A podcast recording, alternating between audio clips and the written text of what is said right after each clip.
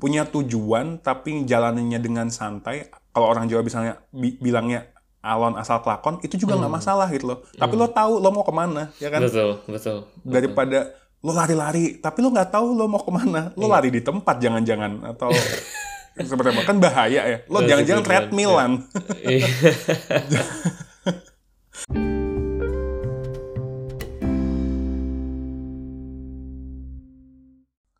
Welcome back to Bersegi Pandang, eh, tempat kita berbicara panjang lebar kehidupan. Nah, kali ini gue akan ngobrol bareng Yusuf Hadi lagi eh, untuk topik yang kita sudah sepakati akan bicarakan.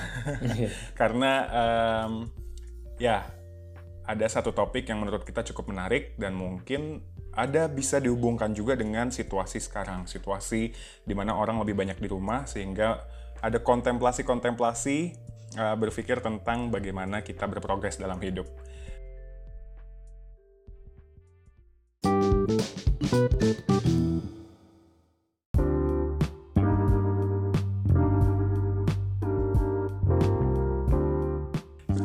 Halo Yusuf. Hai.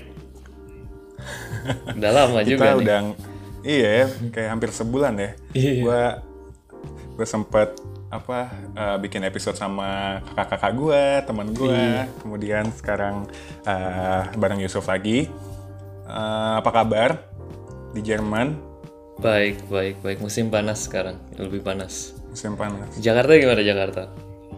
Jakarta panas terus udah nggak tahu kapan musim panas musim kemarau sih ya udah nggak tahu kapan musim kemarau kapan musim hujan kemarin-kemarin mendung tetap aja nggak hujan-hujan jadi begitulah ya eh Suf, kita pengen ngobrol nih tentang satu topik yang sebenarnya gue kepikiran juga karena la- lagi banyak situasi di rumah. Jadi kalau di rumah akhirnya nggak ngelihat banyak di luar kan, Enggak. tapi lebih banyak fokus sama diri sendiri. Iya. Nah, itu membuat gue berpikir ada pertanyaan yang pengen uh, kita bahas. Ya. Is it okay to live slowly in life gitu?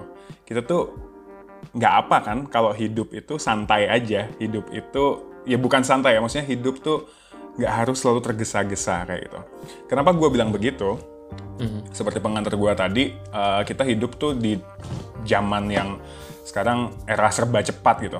Era serba cepat, digital, uh, sehingga membuat kita tuh kayak banyak banget informasi yang kita dapat dalam waktu yang singkat. Sehingga rasanya tuh kayak banyak yang terjadi dalam waktu yang kalau singkat atau lama itu relatif kadang ya. Yang terukur Iya. mungkin kadang kita berpikir sehari itu cepet banget sih. Bahkan setahun tuh cepet banget ya. Tadi kita sebelum record juga bilang ya, kok udah bulan Agustus ya Suf ya? nah, ngomong-ngomong itu eh, hubungannya dengan progres hidup. Jadi secara nggak sadar kita itu apa ya kadang atau bahkan sering gitu merasa berlomba atau kejar-kejaran sama waktu Ya. kejar-kejaran sama eh, apalah itu istilahnya. Mungkin yang lebih jelas lagi kita kejar-kejaran dengan seseorang kah society kah gitu kita tuh sebenarnya kejar-kejaran dengan apa sih? Kejar-kejaran dengan siapa sih? Eh, apakah dengan teman-teman sebaya? Apakah dengan saudara misalnya? Atau bahkan dengan orang asing yang kita tuh nggak kenal. Cuma kita lihat aja personal hidupnya lewat media sosial misalnya. Ya. kita ngelihat orang lain habis itu bandingin sama diri sendiri dan membuat standar-standar tertentu gitu. Yang kita mungkin bisa bilang kadang standar ini digunakan oleh banyak orang. Misalnya kita ngelihat teman kita oh dia udah nikah dia udah punya anak. Atau dia dia tuh uh, udah punya rumah misalnya. Dia bisa kerja di perusahaan yang besar gitu. Bahkan sesimpel follower sosial medianya lebih gede gitu. Iya. itu ada standar-standar yang sekarang dibentuk sama orang sehingga membuat kok gua segini segini aja ya. Kok gua nggak punya apa yang dia punya ya gitu. Jadi indikator kesuksesan yang tadi gua sebutkan apakah menjadi indikator kesuksesan semua orang?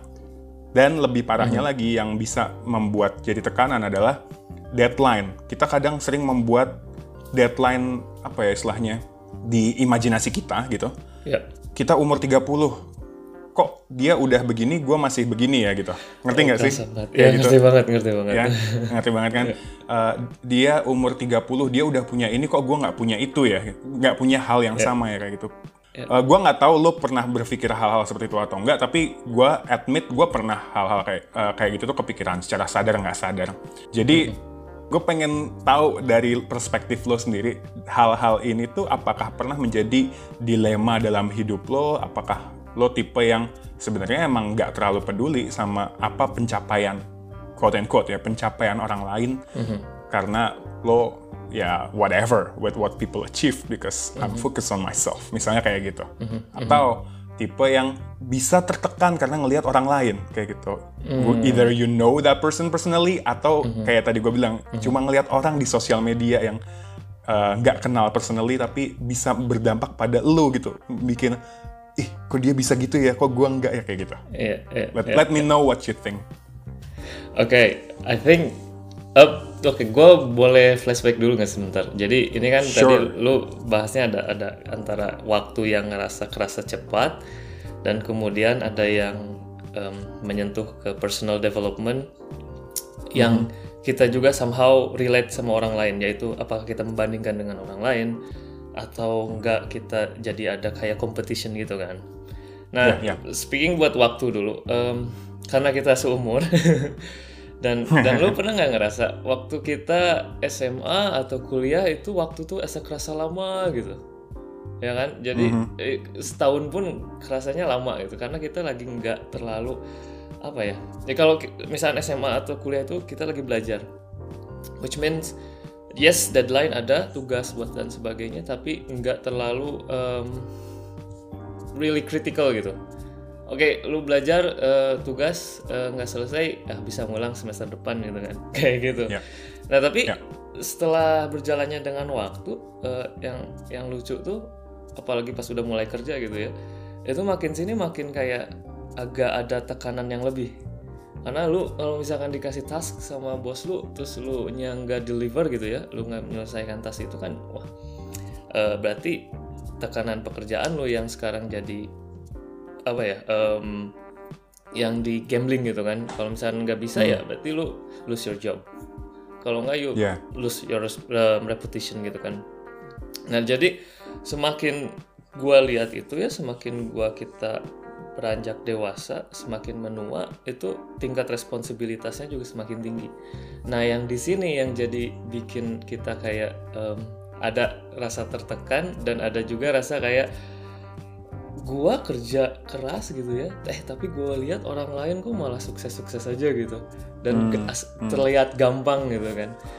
Nah kalau menurut gua nih perspektif gua em, I think it's totally normal. Kalau misalkan lu ngerasa kalau pas lihat orang lain jadi lebih sukses dari lu terus lu mikir "Eh, gua ngapain aja gitu eh, selama lima tahun ini? Kok orang lain Ya. bisa lebih excel lebih dari gua gitu kan? Atau enggak kenapa dia lebih sukses itu dan sukses pun enggak dari in terms of financially ya bisa in terms of family juga kan ada yang udah punya Betul. berkeluarga ataupun ada in terms of um, I would say happiness juga kok dia kelihatannya seneng-seneng aja gitu kan Ya, gua betul, enggak betul. gitu nah untuk eh, teman-teman yang mungkin ngerasa seperti itu em, kayaknya kita harus realize apa yang kita lihat itu di orang lain itu kayak tip of the iceberg ya. Cuman kelihatan atasnya doang. Kita kan nggak tahu di bawahnya kayak gimana gitu kan di bawah lautnya itu kan kalau tips of iceberg. Apakah dia juga punya struggle yang emang ternyata sama kayak kita ataupun lebih malah kan? Betul. dan dan itu pun em, apakah kita harus tahu? Ya enggak juga sebenarnya. Tapi yang kita harus sadari setiap orang ya punya cerita masing-masing dan di cerita itu pasti ada problem masing-masing gitu. Dan em, yes we can compare to others. Definitely it's a normal thing we should do that. Kalau misalkan kayak gua compare ke lu misalkan yoga oh yoga tuh lebih rajin gitu kan terus lebih disiplin. Kayaknya make sense juga sih kalau gua misalkan wah gua iri nih gua harus lebih disiplin berarti bagus kan ke diri gua kan. Tapi kalau misalkan irinya itu lebih ke yang materialistis atau yang lebih malah enggak apa ya enggak enggak em, enggak ini gitu enggak mungkin untuk di Jadi ne- jadi negatif gitu iya ya. jadi negatif ke lu nya gitu kayak lu misalnya punya mobil masa gua harus punya mobil juga padahal gua nggak terlalu butuh mobil misalkan Nah, antara termotivasi atau lo jadi sirik. Iya dari sirik. Lo Nah, jadi- nah itu jadi- jadi ah. harus ada ada bisa membedakan juga. Tapi yang gua yang gua percaya sih yang lebih efektif itu ketika lu membandingkan diri lu di hari kemarin daripada lu membandingkan diri lu dengan orang lain. Jadi Agree. ya when you compare yourself to to your version of yourself from yesterday, I think you can get better and better. Karena after all, lu yang tahu diri lu dan lu yang bisa mengcompare atau jadi kayaknya mengimprove gitu. Dan itu yang lebih efektif ya kalau yang gua rasain yang gua ini. Karena kalau gua di sini nge-compare sama orang lokal di sini kan yang jauh lebih I don't know like mereka tuh ya emang orang sini asli em, kedisiplinnya juga juga kulturnya juga semua udah di sini gitu kan.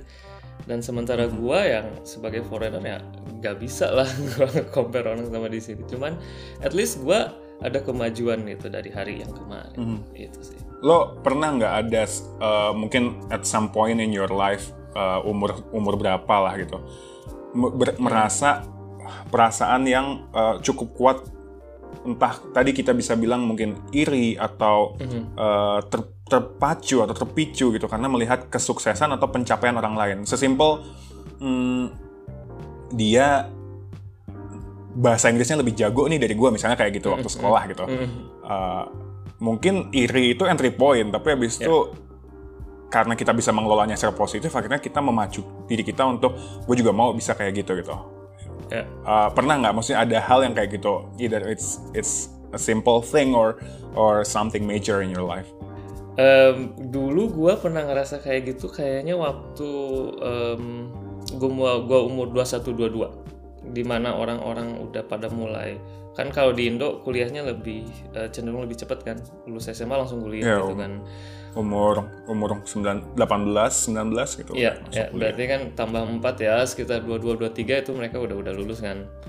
Dan mereka udah kebanyakan kerja, whereas gua masih kayak struggling gitu kan, mau nentuin mau ke mana dan kuliah di di Jerman di sini. Jadi gue pernah merasa iri juga orang lain udah pada kerja, terus start family dan something else like that. Dan gua masih yang kayak struggle, gua harus kayak gimana gitu. Tapi karena untungnya gua di sini, jadi em, I would say gue lebih malah fokus ke gue gitu. Ke personal diri gue kayak gimana harus ke depannya. Nggak terlalu melihat apa yang mereka udah achieve. I mean it's good for them. Mereka udah punya kerjaan punya family.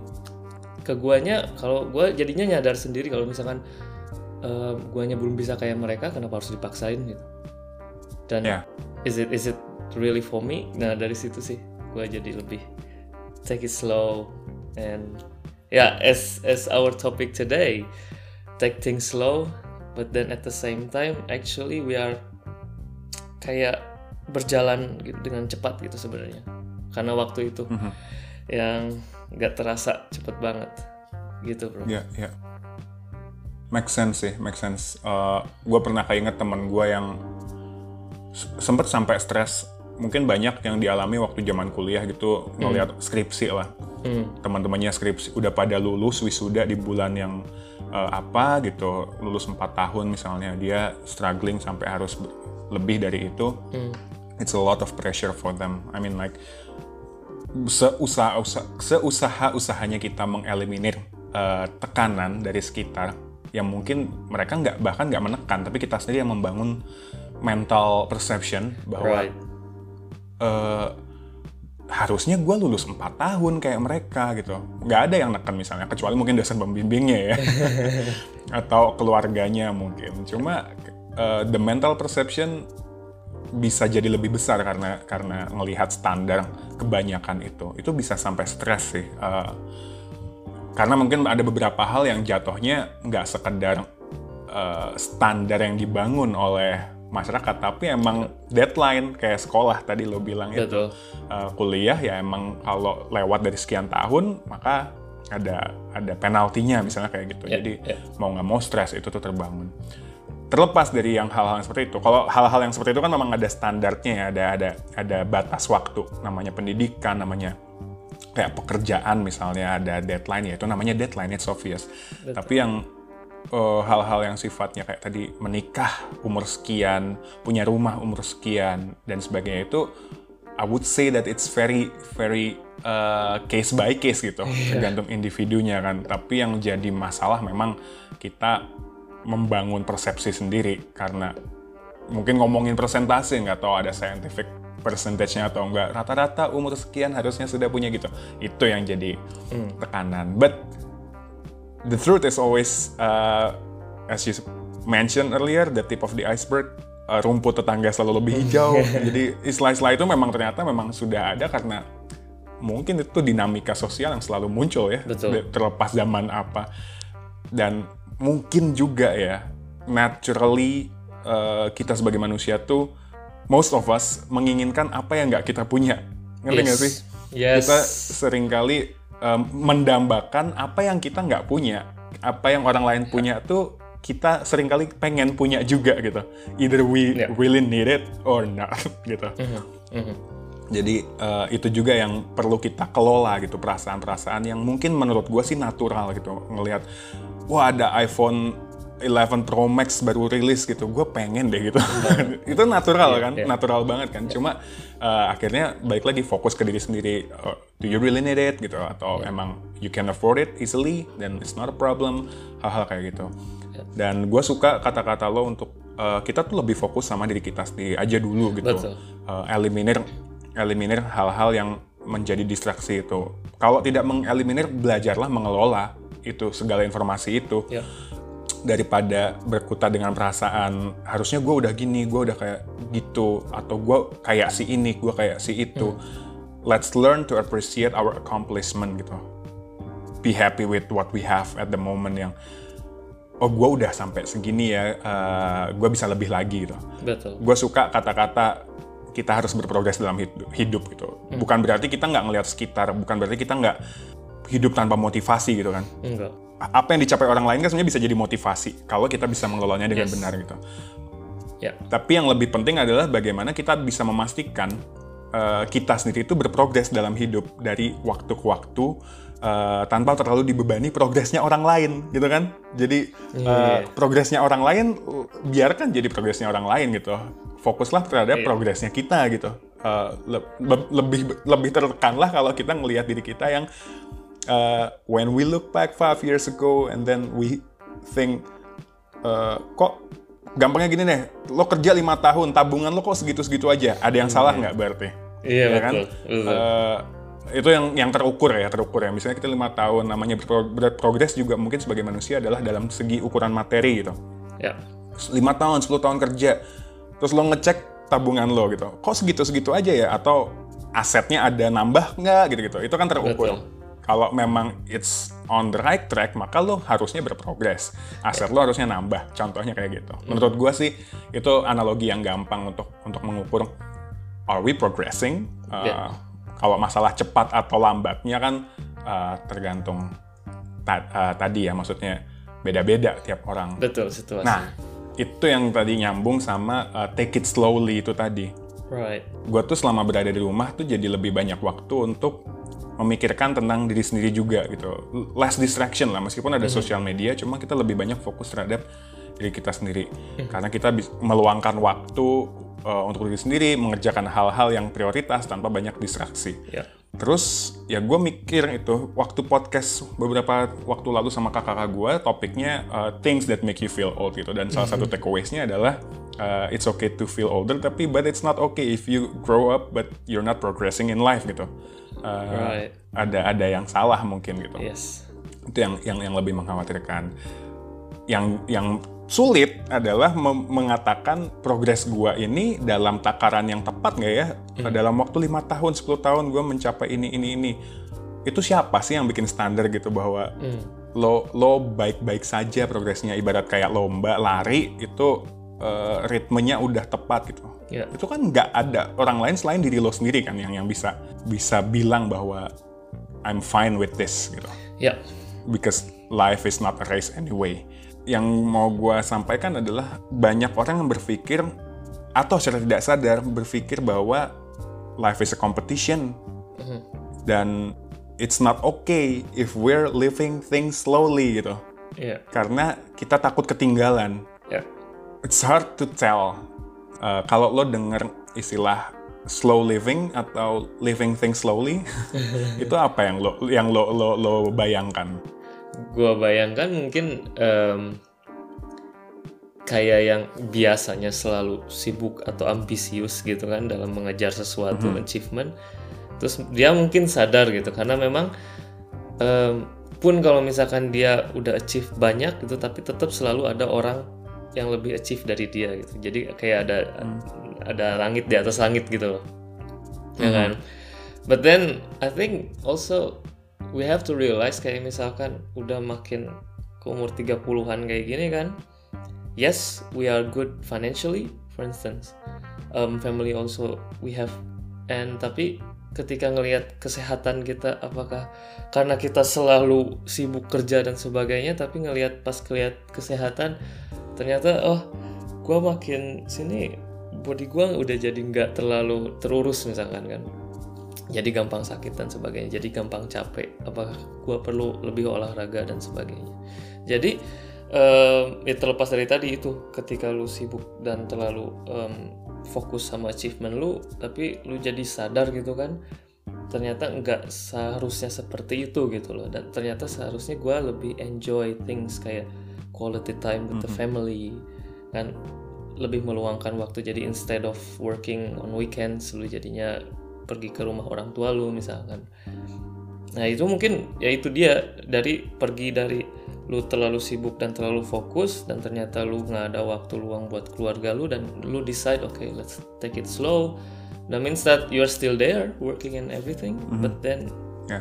Nah itu dia karena waktu itu kan cuma 24 jam sehari kan. Dan dan kita tuh banyak banget yang harus kita at least enjoy gitu kan the quality time-nya itu with family and and, and, and, and others. And it's it's come to a decision and you know what you do uh, like I mean I don't know like ya lu tahu kan waktu lu gitu kan lu harus manage everything by yourself and the only thing that you need is to just realize when to take it slow and when you have to go fast itu sih Aha. Hmm. Ya, benar.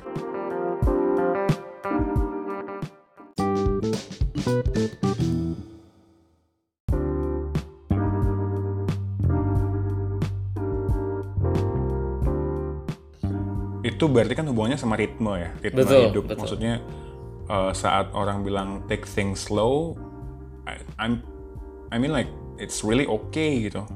Kita tuh nggak harus selalu eh, lari Yes. terus dalam hidup kan. Jadi kita sendiri yang tahu juga pace pace yang paling cocok buat kita, paling tepat buat kita tuh kayak gimana. Ngomong-ngomong slowing down itu gue tadi juga sempat baca-baca. Nah di internet kemudian ada ini namanya Charles Charles Eisenstein. Don't know how to pronounce it. Dia bikin buku judulnya The More Beautiful World Our Heart Know Is Possible. Uh, Dia mendefinisikan slow life, pakai istilah slow life. Salah satu yang gue suka di sini kesimpulannya adalah slow life itu bukan berarti melakukan aktivitas dengan lambat, bukan berarti lo harus sangat santai atau pelan-pelan dalam hidup. Bukan berarti lo lambat dalam menjalani suatu kehidupan, tapi lo harusnya menjalani kehidupan dengan perhitungan gitu. Betul. Kayak yang lo bilang tadi perhitungan lo tahu kapan harus lari lo tahu kapan harus santai gitu. Iya. nggak harus lari terus nggak nggak boleh juga santai terus ya kan? Yes. Ketika waktunya melambat tiba melambatlah tapi saatnya bergerak cepat datang maka lo harus tanggap juga untuk bisa cepat gitu. Keren. Jadi ya ini mungkin bisa menampar orang-orang yang gue kenal orang-orang yang bisa ya itu tadi mengorbankan weekendnya untuk pekerjaan. Kadang mau nggak mau gitu. Iya. Even worse mengorbankan jam istirahatnya misalnya Eh, tengah malam masih balas-balas email kayak gitu. Eh. mungkin ada yang memang ya itu eh, entah terpaksa atau they really enjoy living that way. Tapi secara sadar nggak sadar juga mungkin ada hal yang apa ya lepas dari genggaman kita gitu sebagai manusia saat kita terlalu fokus terhadap satu hal tertentu. Misalnya karir misalnya apalah materi dan sebagainya ya. Tapi kadang argumen balik uh, argumen lawannya juga tapi gue enjoy kok ngejalaninnya gitu. Itu ya kita nggak bisa bilang apa-apa lagi ya. Cuma maksudnya mungkin bisa berkaca juga saat lo menjalani hal yang lo enjoy itu menurut lo apakah ada yang lo korbankan gitu? Ya kan? Ya. Misalnya jam tidur lo lo korbankan. Kalau lo baik-baik saja dengan itu then it's not a problem for you. Tapi ada nggak orang lain yang menjadi korban karena lo Betul. kayak gitu? Betul. Misalnya keluarga kah atau apakah gitu? Itu would be debatable karena itu pasti ya berarti gue nggak boleh mengejar kesenangan gue dong kayak gitu kan? It's it's really really um, stretch in, Yes. in, in that spectrum.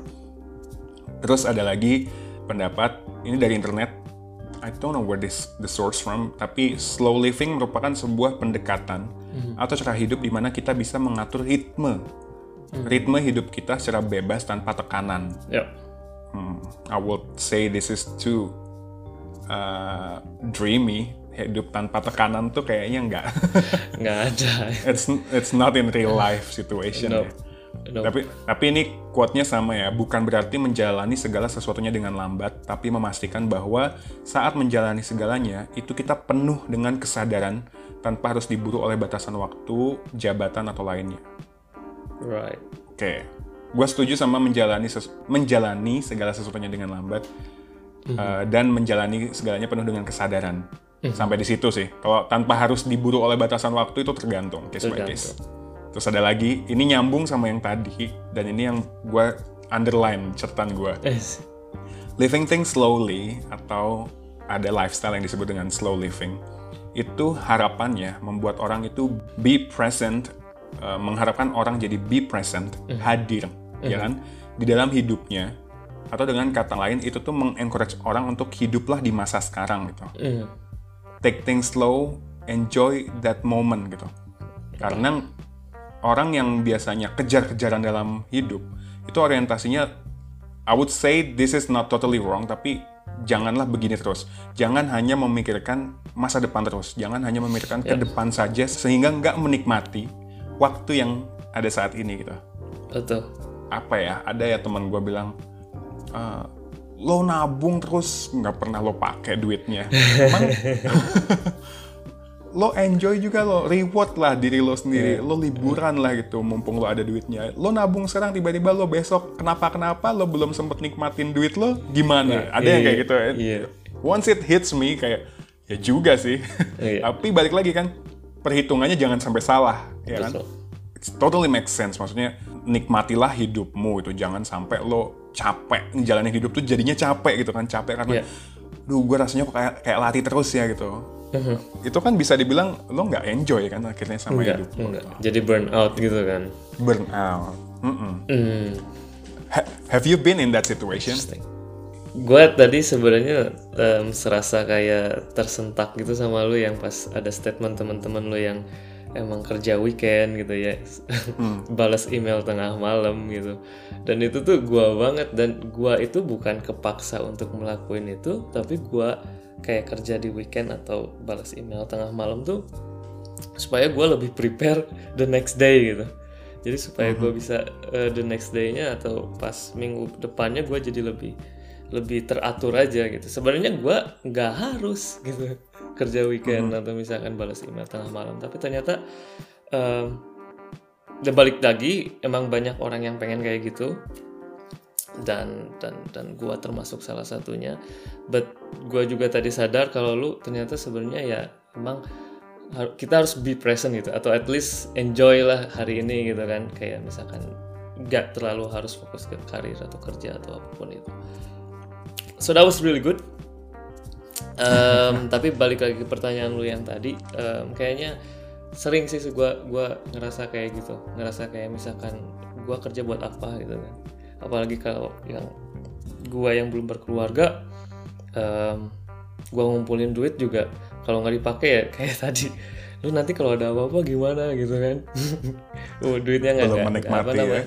Iya nggak nggak sempet dipakai atau apa pun itu. But um, true sometimes we have to look um, ahead di lima tahun ke depan apakah kita punya tabungan gitu kan. Atau kalau misalkan kayak gua kemarin itu yang uh, pas di laid off itu kan yang pas di PHK gue nggak mikir kalau misalnya bakal di PHK nggak akan ada kan yang yang yang yang banyak juga mungkin yang di PHK gara-gara corona itu nggak ada ekspektasi buat di PHK ataupun bakal kena gitu kan yang seems to be fine dan ternyata untungnya waktu itu gue masih ada tabungan jadi bisa ada yang bisa di cover tapi kan banyak orang juga yang yang tadinya mikirnya oke bisa enjoy the moment oh gue punya duit ya jadi pakai traveling atau beli apa pun itu tapi ternyata pas butuh untuk emergency you have nothing so this is also like has to be balanced Ya, ya.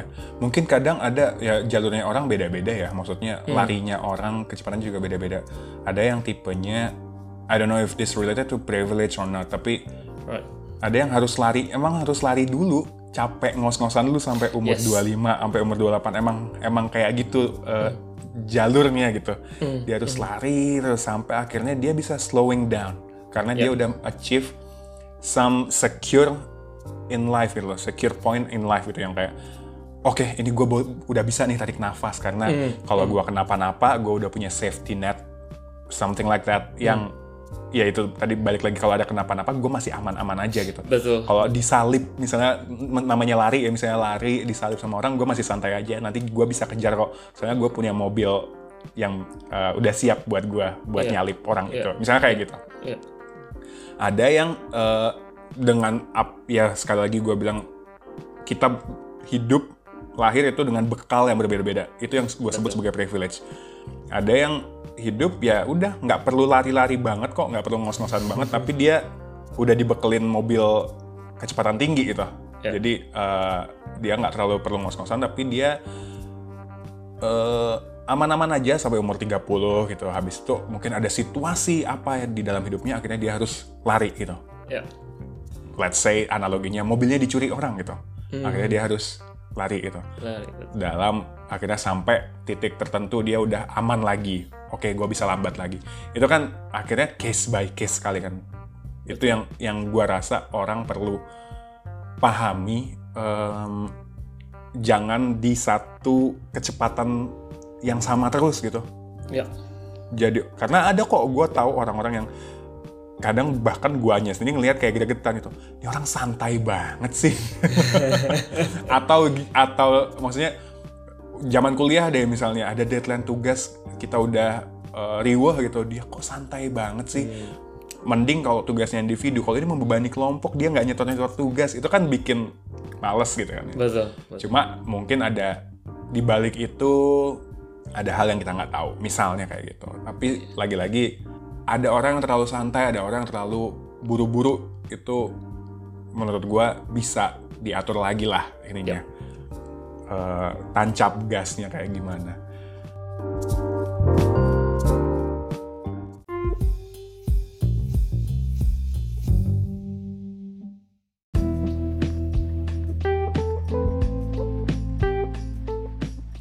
Oke, gua ini ada beberapa eh, bukan tips ya, tapi ada beberapa pesan yang disampaikan oleh orang-orang yang menjalankan slave eh, apa tadi slow living. Slow living. Mungkin ada beberapa takeaways dari orang-orang yang meng- sudah ada di taraf dia sudah bisa melambat dalam hidupnya dan baik-baik saja. Eh, yang pertama, kesibukan itu pilihan, maka dari itu buatlah skala prioritas setiap hari dan kerjakan hal-hal yang skala prioritasnya tinggi. That's Ini menurut gua that's a good one karena kesibukan itu pilihan bener. ya Bagi orang-orang yang naturally produktif orangnya, itu pasti kayak punya banyak to-do list yang pengen diselesaikan gitu. Eh, Iya. gue pengen bikin ini, ini, ini Iya, dalam sehari ini, dalam satu bulan ini, dalam satu tahun ini, gue pengen melakukan ini, ini, ini, ini, gue harus accomplish ini, ini, ini, Iya. kayak gitu. That's good gitu. Buatlah skala prioritasnya tapi jangan sampai Hmm.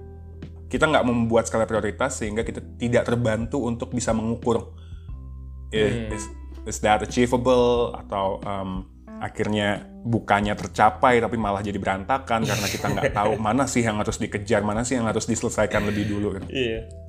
Itu dan itu sering kali membuat kita jadi lupa waktu. Ya terus ini juga bagus yang sempat kita bahas be, be present bah eh, hadirlah bahkan pada hal-hal kecil selalu sadar saat melakukan sesuatu eh, itu membantu kita untuk menghargai momen tersebut. Jadi jangan lagi ngerjain sesu- misalnya kayak gue sih gue mengakui misalnya lagi jaga anak main sama anak gitu. Gue nggak bisa munafik. Kadang gue kayak sambil main HP atau em, apa ya sambil mengerjakan sesuatu yang lain gitu, main sosmed. Padahal itu momen yang bisa gue manfaatkan untuk bonding sama anak gue kayak gitu. Betul. Jadi itu sering banget terjadi sampai akhirnya gue bilang eh, apa ya? Gue pernah bilang apa ya ke bini gue? Eh, anaknya minta gendong terus nih kayak gitu. Terus gue cuma bilang eh, ya udah digendong aja mumpung masih bisa digendong. Kita nggak tahu loh habis ini kita nggak bisa gendong lagi dan kita kangen ma- masa-masa kita dia masih bisa digendong, dia masih minta digendong kayak gitu. Ngerti nggak sih? Ada Ngerti, ngerti. ada hal-hal yang kalau lo nggak enjoy menjalankannya, merasakannya saat itu, you may lose it forever in your life. Ever, gitu. yes. Yes. Forever in your life. Ih, gue merinding sendiri ngomongnya. Karena gue merasa itu, gue merasa pernah kayak merasa bersalah karena, ih, kok gue sibuk sendiri ya, padahal ini gue harusnya lagi main bareng sama anak gue. Betul. Habis itu karena banyak distraksi kayak sosial media lagi ada hal yang viral nih kayak lagi seru banget gue Hmm. pengen pengen baca thread Twitter yang wah gue nggak mau ketinggalan kayak gitu gue nggak ketinggalan thread Twitternya gue ketinggalan main sama anak gue True. ya kan? Yang padahal lu bisa nanti bacanya kapan-kapan lagi. itu eh, nunggu dia tidur kah atau apa gitu.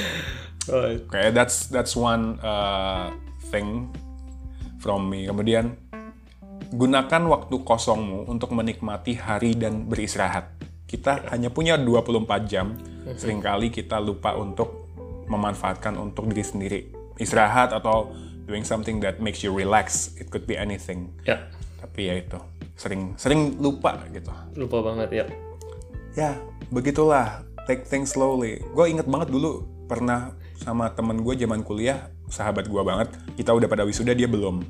Right. Itu ya banyak inilah apa pep talks deep talks zaman itu umur 20 umur 20 21-an gitu. Ya terus eh, kesimpulannya ya kayak bilang but life is not a race bro Eh, That's a good one. life is not a race gitu tapi kadang kita nggak sadar menciptakan kompetisi kita itu dengan orang lain Iya. bukan sama diri sendiri Mhm, mhm. Mhm, That's a good one. Any any thoughts on that before we close this? Um, yes, um, gue cuman berpesan sih kepada yang mendengarkan podcast ini supaya selalu I wouldn't say really enjoy the moment, but to just little bit control of yourself, like take control. Because when things are under control, then you will realize it that your life is I think actually getting better and better. Karena kalau misalkan lu nggak nggak bisa kontrol it all over the place dan salah satu indikasinya kalau misalnya ada yang nanya ehm, lu bisa nggak bikin skala prioritas gitu kan tapi kan semuanya important gitu semuanya Yeah. semuanya high priority. Kalau ada udah ada orang yang bilang kayak gitu which means dia udah nggak tahu mana yang important mana yang enggak karena nggak mungkin itu pasti ada aja yang emang yang highly important dan ada yang biasa aja dan emang yang nggak terlalu important dan bisa dilakuin kapan pun gitu. Jadi please please remind yourself to take control of yourself and dan itu mau dalam artian financially career or mungkin yang masih belajar sekarang masih kuliah. Ataupun yang emang udah kayak misalkan udah mapan pun tapi tetap kesehatan pun juga penting kan. Dan lu juga harus really take into consideration jangan terlalu burn out for instance. Yeah. and yes because after all you are responsible for yourself. That means that whatever happens to you you are the master of the fate you know because Yes. i think i think that's that's that's one way to put it but what do you think bro Yeah, I mean like that's true. We uh, kita sendiri yang punya kontrol terhadap diri kita kan. Yep. Orang lain bisa beropini, Yep. bisa ngasih saran. Orang tua, pasangan bisa ngasih saran. Yang ngambil keputusan siapa sih? Kita sendiri gitu loh. Dan itu nyambung sama apa yang gue pikirkan juga. Jadi manusia itu kita perlu mengenal diri kita dengan sangat baik gitu. Mm. Ada istilah eh gue nggak nggak cukup mengenali diri gue dengan baik gitu Yep. dan itu sesuatu yang lo harus selesaikan dulu untuk bisa melangkah lebih lanjut. Mhm. Maksud gue adalah saat lo kebingungan dalam hidup kayak gue nggak tahu prioritas gue apa, gue nggak tahu apa sebenarnya yang gue kejar gitu. Maybe that's one moment to step back or just sit still and think about it gitu. True. Uh, beri waktu untuk diri sendiri. Saat lo kebingungan lo jangan lari-lari gitu. Saat lo kebingungan lo diem kan. Saat lo kebingungan lo diem dulu, mikir, tanya sama diri sendiri, mengenali sebenarnya apa yang gue butuhkan dalam hidup ini dan belajar untuk mengeliminir atau mengurangi pikiran-pikiran yang nggak perlu itu tadi yang distraksi-distraksi dalam hidup dan di satu titik kita memahami diri kita sendiri kita jadi lebih aware dengan segala hal yang menyangkut sama diri kita untuk berprogres dalam hidup. Jadi kan kita jadi tahu langkah pertama gue harus kayak gimana sih? Harus ke mana sih? Itu yang yang akan membantu lo untuk jalan gitu. Jalannya mau cepet jalannya mau lambat itu nomor duanya. Lo harus tahu dulu lo mau ke mana dulu gitu kan Dan balik lagi di awal ya gunakanlah waktu pandemi ini untuk lu benar-benar contemplating iya. kan to, to step back or at least diam dulu di rumah dan gunakan waktu luang ini untuk berpikir untuk gimana ke depannya dan take control of Iya. yourself. Ya. bener menurut gue blessings in disguise-nya banyak orang yang di rumah ini sebenarnya itu mungkin momen untuk lo chill down a bit mungkin ya untuk Yeah. untuk untuk figuring out what's what's what's your goal in life atau apa yang mau lo kejar dalam hidup dan cari rutenya gitu cari rutenya. Ya. mau orang lain orang lain mau punya tujuan lain kan bukan urusan lo ya. Mau lewat rute mana juga bukan urusan lo. Mau naik bis kota mau naik MRT bukan urusan lo juga. Ya. yang lo pikirin adalah lo sendiri. Oh gue tahu goal gue mau ke mana. Gue mau lewat ini ah mau trayek ini ah mau rute ini ah kayak gitu aja fokus But- But it's easier than done.